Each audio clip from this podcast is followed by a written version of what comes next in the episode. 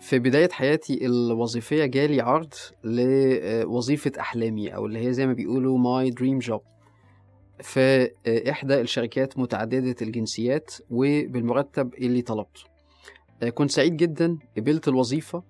بعد شهور قليلة اكتشفت بالصدفة إن أحد الزملاء اللي له نفس المؤهلات بالظبط اتعين في ذات نفس الوظيفة بالظبط ولكن بمرتب أعلى ب 40% من مرتبي. في الوقت ده أنا اتعلمت بقى بالطريقة الصعبة أو بال hard way زي ما بيقولوا بعض الدروس المهمة بخصوص التفاوض على المرتب. أه وحابب إن أنا أشاركها معاك. كيف تتفاوض على راتبك؟ يمكن دي واحدة من أهم مهارات التفاوض في حياة كل واحد فينا. في الفيديو ده هكلمك عن ست خطوات لكيف تتفاوض على راتبك. الخطوة الأولى. لازم تحصل على قدر كافي من القوة أو ال power قبل ما تدخل في أي مفاوضات حول المرتب. كتير من الناس عندهم اعتقاد خاطئ إن هم ما لا يمتلكوا أي قدر من القوة في موقف التفاوض حول المرتب أو الزيادة السنوية. يدخل مكتب المدير ياخد الرقم المحدد له ويطلع. لا الحقيقة الأمر مش كده. طيب علشان يبقى عندي ال power أو القوة دي أعمل إيه؟ خلي نفسك موظف صعب إنه يكون له بديل أو hard to substitute. في الحقيقة كاتب اسمه جيم توماس عنده كتاب حلو قوي اسمه تفاوض لتربح أو negotiate to win. هو بيقول لك إن أنت عندك الاختيار إما إنك تكون متميز في أدائك أو تكون متوسط. أه تكون واسع الحيلة أه تساعد رئيسك إنه ينجح ترفع من مستوى أداء الإدارة بتاعتك أو ببساطة العكس. بالتالي حاول باستمرار إنك تحدث من مهاراتك وخبراتك ومعارفك. حاول تشترك في مشروعات مهمة في الشركة أو في مكان العمل. انضم لفرق عمل متعددة أو تاسك فورسز متعددة. بالتالي ده هيخلي شركتك تستثمر في تدريبك وتطويرك ووقتها هيجعل منك موظف صعب الاستغناء عنه أو indispensable. حاول دايما إنك توسع من مهامك الوظيفية اكتشف إيه هي الأشياء الإضافية اللي مديرك محتاج يعملها اقترح عليه إنه يوسع مهامك علشان تقدر تعمل الحاجات دي. ده هيساعدك إنك تتجنب حاجات زي تجميد المرتب السالري فريز أو السقف المتحدد للوظيفة. الخطوة التانية عد بشكل جيد حضر نفسك بشكل جيد للتفاوض وما تتوقعش من مديرك إنه هيتفاوض بالنيابة عنك. لأن المصالح بتختلف لما يتعلق الأمر بالفلوس أو بالمرتب. وخليني أقول لك إنه مهما كانت ثقافة الشركة بتهتم بالعاملين وبالموظفين فبرضو الشركة لسه هتشوف المرتب على إنه تكلفة وليس استثمار. وبالتالي كونك إن أنت توكل لمديرك مهمة التفاوض بالنيابة عنك فده ممكن يكون خطأ. ما تفترضش إن مديرك عارف أو فاكر كل اللي أنت حققته أو بتقوم بيه. حضر قائمة بكل اللي أنت أنجزته واللي بتخطط إنك تحققه وحاول كمان تحدد إيه هو المردود المالي لكل حاجة من الحاجات دي قدر الإمكان. يعني مثلا إيه هي المدخولات الجديدة اللي أنت نجحت في إنك تحققها للشركة؟ أو إيه هي التوفيرات أو الوفرات في التكاليف أو التحسينات في الإنتاجية اللي أنت دخلتها ودعم كل ده بالوثائق المطلوبة. حضر نفسك برضو على المستوى النفسي لأن ببساطة لو أنت نفسك مش مصدق إنك تستحق مرتب أعلى فمفيش أي حد تاني هيصدق. افهم الأداء الحالي للشركة وللصناعة ككل لأنه مش منطقي إن أنت تطلب زيادة في الأجر إذا كان أداء الشركة أو الصناعة سيء. اعرف معدلات الأجور الخاصة بالوظيفة بتاعتك. لازم تعرف سقف المرتب اللي أنت ممكن تحصل عليه. طب إزاي؟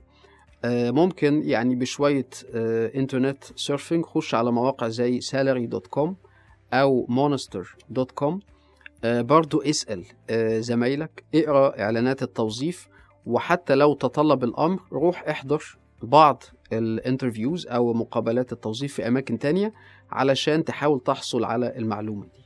الخطوة التالتة حط أهدافك وحدد أقل شيء ممكن تقبل بيه. لما تيجي تجاوب على السؤال المهم what's your salary expectation أو إيه توقعاتك للمرتب؟ افتكر القاعدة الذهبية اللي بتقول aim high get what you want. حدد آه، اللي إحنا بنسميها نقطة الابتعاد أو ال walk away point وهي الحد الأدنى اللي انت ممكن تقبل بيه للمرتب بتاعك. افتكر مهم قوي ان انت تفتكر ان الرقم اللي انت هتطلبه هيحدد أقصى مرتب ممكن تحصل عليه. علشان كده ما ينفعش اللي تطلبه يكون هو نفسه أقل شيء ممكن تقبل بيه. طيب يعني إيه الكلام ده؟ يعني مثلا لو أقل شيء ممكن تقبل بيه. ال walk away point بتاعتك 8000 جنيه. أطلب رقم أعلى منها وليكن 10000 جنيه. آه، بعض الأبحاث الجديدة برضو آه، بتشير إلى إن أنت لما تطلب مدى أو range للمرتب ده بيكون أفضل من إنك تطلب رقم واحد بس. فمثلا بدل ما تقول إن أنا آه، توقعاتي للمرتب هي 10000 جنيه لا الأفضل إن أنت تقول إن توقعاتي للمرتب مثلا ما بين 10000 و 12000 جنيه. لازم برضو تسيب مساحة للتنازل علشان ما توصلش إلى طريق مسدود أو deadlock وخليك واقعي في اللي بتطلبه لأن آه، لو أنت مش واقعي هتبان في صورة إن أنت شخص مش عارف هو بيتكلم عن إيه أو شخص مش professional ومظهرك هيكون غير احترافي. آه، اتمرن واعمل ريهرسال على الرقم اللي أنت بتطلبه مرة واثنين وثلاثة أو الرينج اللي أنت بتطلبه لغاية ما تتأكد إنك بتقدر تقوله بثقة. حط خطتك الاحتياطية في حالة إنه العرض آه، آه، اللي أنت حصلت عليه ما بيحققش أدنى توقعاتك. هتعمل إيه في الحالة دي؟ حتى لو طلبك اترفض آه، ما تيأسش. حاول إن أنت تتفق على ميعاد آخر للتفاوض حول المرتب. اعرف مين هو صانع القرار النهائي في تحديد المرتب أو الزيادة. ممكن يكون مش رئيسك المباشر لكن خلي رئيسك المباشر يثق فيك ويثق في أدائك وبعدها اطلب منه إنه يشرح حالتك لصاحب القرار النهائي. الخطوة الرابعة حاول الحصول على مزايا أخرى مزايا تانية اللي هي تريد أوفس يعني لو طلبك للمرتب أو الزيادة اترفض رفضا قاطعا. حاول تحصل على مزايا تانية زي مثلا عضوية في جيم أو نادي صحي آه، دعم تعليمي آه، دعم لتكاليف آه، رعاية الأطفال.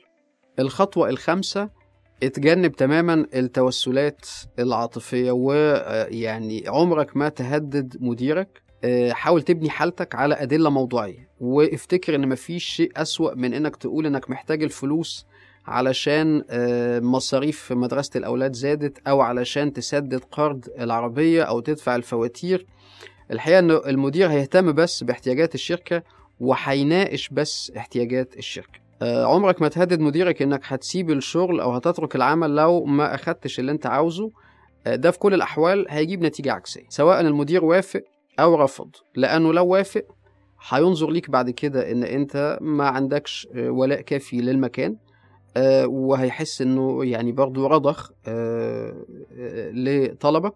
ولو رفض فده هيسيب قدامك اختيار من اتنين يا إما إن أنت لازم تنفذ تهديدك وتمشي وتسيب المكان يا إما إنك هتضطر تسحب تهديدك وتقعد وبالتالي آه، مصداقيتك هتكون انتهت. فقط لما يبقى عندك عرض تاني مؤكد آه، وقتها ممكن تتكلم مع المدير. لكن برضو افتكر إنك آه، ما تتكلمش معاه بصيغة لوي الدراع اتناقش معاه بصيغة إنك عاوز تستكشف إيه هي الاختيارات المتاحة قدامك في مسارك المهني الكارير بتاعك عاوز تبحث معاه فرص التقدم والنمو. سيب له الفرصة إنه يحضر لرد المناسب. الخطوة السادسة افتكر إن التوقيت السليم هو عامل مهم جدا. اختار التوقيت المناسب وما تفاجئش مديرك آه، بطلب الزيادة وأنت داخل قابلته صدفة على باب الأسانسير مثلا لا ما ينفعش. اطلب منه آه، إن أنت يعني حدد معاه ميعاد لمقابلته لمدة 30 دقيقة في مكتبه علشان تناقش المرتب.